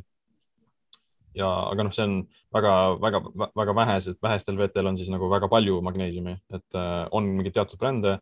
just võib-olla mingid äh, siis välismaa mineraalveed, võib-olla neis on natuke rohkem magneesiumi. aga jah, ma arvan, et mingisugune mineraalvesi võib tulla nagu kasulikuks, et äh, saad siis nagu neid rohkem, rohkem imanduvaid magneesiumi või noh, teisi mineraale ka mis sa fluoriidist arvad? Ähm, toon lihtsalt näite selle vee juurde juurde siia, et äh, fluoriidist väidetavalt, eks ole, noh, jälle controversial teema, mõni ütleb, et on kahjulik, mõni ütleb, et on vaja, onju, ma arvan, mingis mahus seda võib-olla isegi ongi vaja mingites funktsioonides aga näiteks Borjomi vesi on päris suure sisaldusega, noh, fluoriidi sees ikkagi kogu mingis kogus on, eks ole, mina tunnen seda maitse poolest ka natuke teistmoodi ta on. aga mis sa, mis sina selle kohta oled tänaseks uurinud, kas see on vajalik, kas sa ise pigem väldid, pigem soovitad, mis mm., mis case sul sellega on mm? -hmm. ja no see, see on jah, niisugune kahe poolega teema ja ütleme, fluoriid on tegelikult äh, hädavajalik mineraal, et äh, see on siis nagu eluks vajalik äh, ja põhjus, miks siis pannakse seda sinna kraanivette, on selleks, et vältida siis äh, hammaste äh, riknemist või reostumist, äh, siuksed asjad, et siis aitab siis hammastel mineraliseerida. ja ütleme, oleneb selles mõttes, kui palju sa seda tarbid, et ja kui me ütleme, ütleme, nagu kraanivett fluoriidiga ma nagu ise ei jooks pidevalt. sellepärast, et sa, sa saad nagu siis mingil määral seda fluoriidiga teistest allikatest, nagu näiteks, äh, no kui sa näiteks pesed ennast siis nagu selle kraaniveega, kus on fluoriidi sees, siis omistad sealt natukene näiteks hambapastas, hambapastas on ka mingil määral fluoriidi. on tehtud uuringuid, et nagu leitud, et äh, üks nagu hambapesu, sa imandad umbes null koma üks milligrammi fluoriidi äh, sellest, kui sa just nagu alla ei neela seda hambapastat, et siis sa saad sealt nagu mingil määral natukene fluoriidi ja kui sa nagu täiesti väldiksid seda, sa väldid nii siis kraanivett, väldid ka hambapastat ja väldid ka kõiki teisi siis fluoriidiallikaid, siis sa võib-olla siis kogeksid nagu mingil määral seda fluoriidi puudulikkust, et äh, ma arvan, et kui sa pesed näiteks hambaid tavalise hambapastaga, sa saad sealt mingi natukene fluoriidi, siis see ei ole probleem. et noh, ütleme, probleem on selles, et nagu üleliigne fluoriid on lihtsalt leitud, et see siis äh, pärsib intelligentsi ja mm -hmm ajutegevust äh, lastes just eriti, et nagu nende siis äh, fluoriidi taluvus on natuke madalam või nende vajadus on madalam. ma arvan, et täiskasvanud inimestel ei ole nagu enamus probleemi sellega. Ähm, vähemalt siis, kui nad jah, pesed hambaid fluoriidi hambapastaga, siis on see okei okay,, ma arvan. ja ütleme, et nagu üleliigselt palju juua seda, seda fluorivett, fluoriidivett ei ole ka nagu hea. et natukene juua, ma arvan, et on okei okay,, see ei ole probleem. aga pidevalt siis nagu et see on ainu, sinu ainus, sinu veeallikas, ma nagu ei soovitaks mm. -hmm. Okay. aga ütleme jah, et nagu fluoriidi puudulikkus on ka nagu võimalik, et kui sa oled ka nagu sihuke mm -hmm. hardcore, hardcore hipi või kes nagu väldib kõiki neid asju, et siis on võimalik ka, et sul tekib siis nagu fluoriidi puudulikkus ja mingi hammaste jama, sellepärast et sa väldid seda fluoriidi. aga kui sa saad nagu selles mõttes fluoriidi möödukas koguses hambapastast ja võib-olla näiteks küpsetad oma toitu näiteks fluoriidi vees, selle kraani vees, et see on, ma arvan, et seal see kogus, mis sa saad sealt, ei ole nagu probleem aga mhm. võib-olla lastel on siis natukene rohkem tähelepanu pöörata. okei okay., äh, tuleme tänase selle äh, kõne video podcast'i nii-öelda viimase küsimuse juurde, ma palusin sul, kuna sa tegid mingi aeg Youtube video, ma kindlasti ähm, tahan, et inimesed tegelikult läheks ka seda vaatama, äh, see on küll inglise keeles. Mm, see video oli meil, oskad sa mäletada seda pealkirja äkki või? no What's supplement I take, midagi siukest. jah, et kui lähete Siim, Siim Land kanalile Youtube'i, siis äh, äh, ma kohe vaatan, äkki ma leian üles selle ka, siis näete, et siis saate vaadata pikemalt äh, inglise keeles, see on päris pikk video äh,. ja ma panen korra äh, seda ekraani share'i siit, siis te saate ilusti näha. aga ma, nii, et jah, seesama video siin et what supplements do, do I take on ju, ja siin ta räägib siis äh, päris pikalt tegelikult mitmest erinevast äh, vitamiinidest ja asjadest, mida sa sisse tarbid endale toidulisanditest nii-öelda, aga ma palusin sul siin eesti keeles ka teha väikse erandina sellise kasvõi lühema mingisuguse versiooni, et äkki sa näitad inimestele, kuna me visuaalselt tahame ikkagi inimesed ka teada, mis brändi keegi tarbib, eks ole, mis äh, ühikud sul sees on, mis koguses me räägime, sa võtad, onju, siis äkki sa näitad mõningaid, mida sa ise tarbid. Ja, ja siis ongi sellega hea siin saade lõpetada ka. Okei okay,, ma pean siis tooma. Jah. et teie saate senikaua siin äh, kuulates siis küsimusi küsida kui tahate veel, siin maksimaalselt viis minutit veel oleme laivis ja siis, ja siis me tõmbame otsad kokku. võite kirjutada kommentaarides äh, ka, kuidas teile siiani meeldinud on, kas olete saanud enda jaoks uut head äh, väärtuslikku infot, häid mõtteid. mina küll olen, et äh, oleks vahva teada feedback'i ka ma kõiki ei võtnud, aga mõned küll. no ütleme magneesium, siis on äh, sihuke magnesium breakthrough, mis on äh, seitsme erineva magneesiumi tüübiga, et siis sa saad kõiki nagu nende erinevates vormides ähm,. jah, seda, ütleme, see on niisugune kõige parem, kõige parem toidulisand, aga ma ütlesin nagu, et see ei ole nagu otseselt vahet, mis mm -hmm. nagu tüüpi sa saad, peaasi, et sa saad nagu mingil määral neid kätte seda ma võtan, äh, no mitte iga päev, aga mõnikord. Äh, siis äh, tsinki nagu ma otseselt ei võta praegu, aga on nagu sihuke hea nipp vähemalt, et tsink lozenges, mis on mingid tsinkipastillid ja siuksed asjad. et äh, neid on vähemalt uuringutes näidatud, et äh, kui sa võtad neid näiteks mingi gripi või külmetuse ajal, siis see vähendab seda gripi siis äh, pikkust ja tõsidust, et äh, ma hoian seda lihtsalt selleks, et lihtsalt igaks juhuks, kui tekib nagu mingisugune külmatunne või midagi, siis ma tavaliselt võtan ühe mm,. Et siin on mingi kaheksateist milligrammi, et see on nagu üle selle päevasest vajadusest, aga see ei ole nagu tohutus koguses. Äh, teine, järgmine asi on siis CoQ10, et siis kaasensüüm kümme ja see aitab roh kõige rohkem aitab siis südame ringlusele või südame, südamefunktsioonile ja ka üleüldisele energia tootmisele, mitokondritele on kasulik jah, et see siis sihuke longevity supplement, seda ma võtan iga päev. ma võtan ka siis seda K2 mm -hmm. peaaegu iga päev ja see K2 aitab ka siis samamoodi sellele kaasa, et südamedele ja ka luustikule kasulik. kui ei ole soovi nagu maksa süüa, või maitse, siis on ka siuksed need maksakapslid nii-öelda, kus on siis nagu äh, dehüdreeritud maks sellesse kapslisse pandud. Et see on nagu lihtne viis saada, et see on nagu põhimõtteliselt nagu päris toit mm,. seda ma võtan siis päevadel, kus ma tavaliselt ei söö mingisugust maksa midagi siukest ähm,. teistest, teistest mineraal, teistest toiduainetest ma võtan ka siis glütsiini, mis on äh, aitab äh, paljudele asjadele kaasa, aitab äh, põletikku maandada, oksidatiivset stressi alandada, metülatsioonile aitab kaasa ja ka sihuke pikaealisust, pikaealisust soodustav äh, aminohape, see on nagu väga lihtne sihuke aminohape.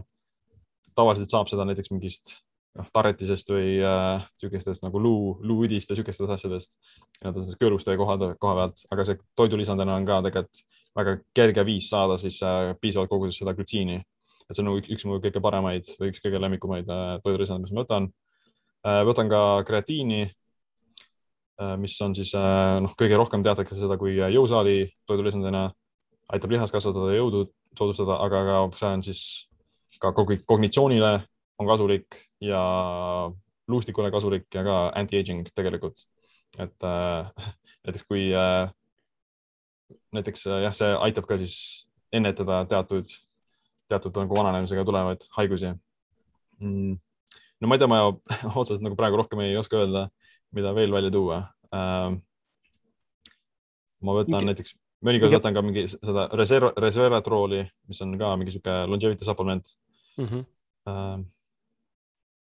aga jah, tavaliselt noh, mingid proteiinipulbrid võtan mõnikord äh, ja aminohappeid ka. minge vaadake seda videot, seal on äh, neid äh, asju, mida, mida ta näitab veel rohkem ja tegelikult üks Eesti toode ka olemas seal. seesama Black Stuffi oma, et võib-olla paljud on kuulnud ka sellest juba ka, et ma ise olen ka enda kanalis sellest rääkinud ja seda nagu natukene mingil määral inimestele tutvustanud ka, et ma ise tarbin ka Black Stuffi ja vahepeal seente vägi seda Cordycepsi äh, on praegu hetkel kasutuses, aga Blackstaffil oli, mul tuleb praegu meelde, sa, sa videos mainisid ka, et Blackstaff oli vist, millega sa võrdlesid seda, ei mäleta enam, sa ütlesid, et Blackstaff on nagu steroididel, et äh, siis ma mäletan, mul see Blackstaffi üks eestvedajatest, kes Eestis maaletooja, ütles, et siis teine toode neil on see Trinero, äh, mis on siis selle kanepiga nii-öelda, mitte siis CBD, aga noh, mitte siis, tähendab CBD, aga ta ei ole siis nii-öelda selle toimeainega onju, et sa ei saa laksu kätte sealt, aga et siis see on nagu Blackstaff omakorda veel nii-öelda nagu topeltkikina mm., et äh, haiguste korral see siis oli... treenereid võtta. see, see oli jah, see Shilajit nagu ja, see Black, Black Stuff on nagu Shilajit steroidide peal, et äh, see Shilajit või Muio või mis see, mis see nimi on. et äh, see on ka siis sihuke mineraalirohke, ma ei tea, huumus või sihuke asi, et ja siis orgaaniline aine. ja see, see Black Stuff on ka nagu põhimõtteliselt sellesama idee baseeriv, sellel samal ideel baseeruv, et ka siis, aga sellele on ka siis lisatud juurde nagu need kuum ja full viiv, full viiv happed, mis siis mm -hmm. seda energiatootlikkust soodustavad. nii et äh, minge vaadake järgi ja vaatasin, üks küsimus tuli ka. ja kas nõgese ekstrakt oleks turvalisem toidulisandina, kui on rauapuudus? Äh, võimalik, et noh, see nõgeses, ma arvan, et on natukene rauda mm, ja spinnatis ka. Aga sellega on no see võib toimida, ma arvan, et see võib küll toimida, aga see lihtsalt nagu see on erinevad rauatüübid ka, on see heem, heemraud ja siis mitte heemraud. ja see, ütleme, heem on siis aktiivne rauavorm, mis äh, soodustab seda rohkem hemoglübiini. ja seda sa saad siis nagu ainult äh, punasest lihast ja taimsed on siis mitte heem äh,. et see on võib-olla, võib-olla on võimalik seda siis ületada, kui sa tarbid rohkem seda mitte heemrauda. Aga ütleme, kui sa tarbiksid heemrauda siis äh, sa saavutaksid selle efekti nagu väiksema kogusega mm -hmm.. okei. Okay., kuule, aga väga-väga tänan sind, Siim. Väga,, väga-väga äge, päris palju jälle sai inimestele jagada infot, ma sain vähemalt siia hunniku asju kirja endale ja need kõik asjad toome välja ka pärast. homme siis tulevad saate, tuleb see saade homme välja. Äh, Kris Kala Youtube'i, siia Facebooki tuleb ta kohe, ma panen ta eraldi videona ka ülesse siia ja samuti ka siis jagan linke homme äh, podcast'i kuulamiseks erifailina, et äh, seal küll pilti ei näe, aga siis äh, Youtube'is on pilt ka olemas, kui soovid koos pildiga vaadata. aga toon kõik need välja ka ja, ja toon ka viited Siimu raamatule ja, ja, ja siis ka nendele mainitud, sinu poolt mainitud nendele vitamiinmineraalidele koos selle lingiga, mis sul endal olemas on ka, et siis Siim, Siimu kaudu saab päris mõnes kohaski saab soodsamalt endale teenega tellida. nii et äh, aitäh teile, kes te siin olite meiega, täna oli meid rohkem, väga äge äh, ja egas midagi, aitäh sulle, Siim, veel kord ja näeme sinuga juba esmaspäeval ja teiega ka. esmaspäeval viimane viies ja seal me räägime siis, äh, kohe vaatame üle, seal me räägime viiendas, räägime, räägime, räägime pikaealisusest, pikaealisusest, surematusest, vananemise aeglustamisest ja isegi selle peatamisest, vitaalsusest, elujõust. ja, ja sellega me lõpetamegi selle sarja ka, nii et aitäh teile ja näeme, tšau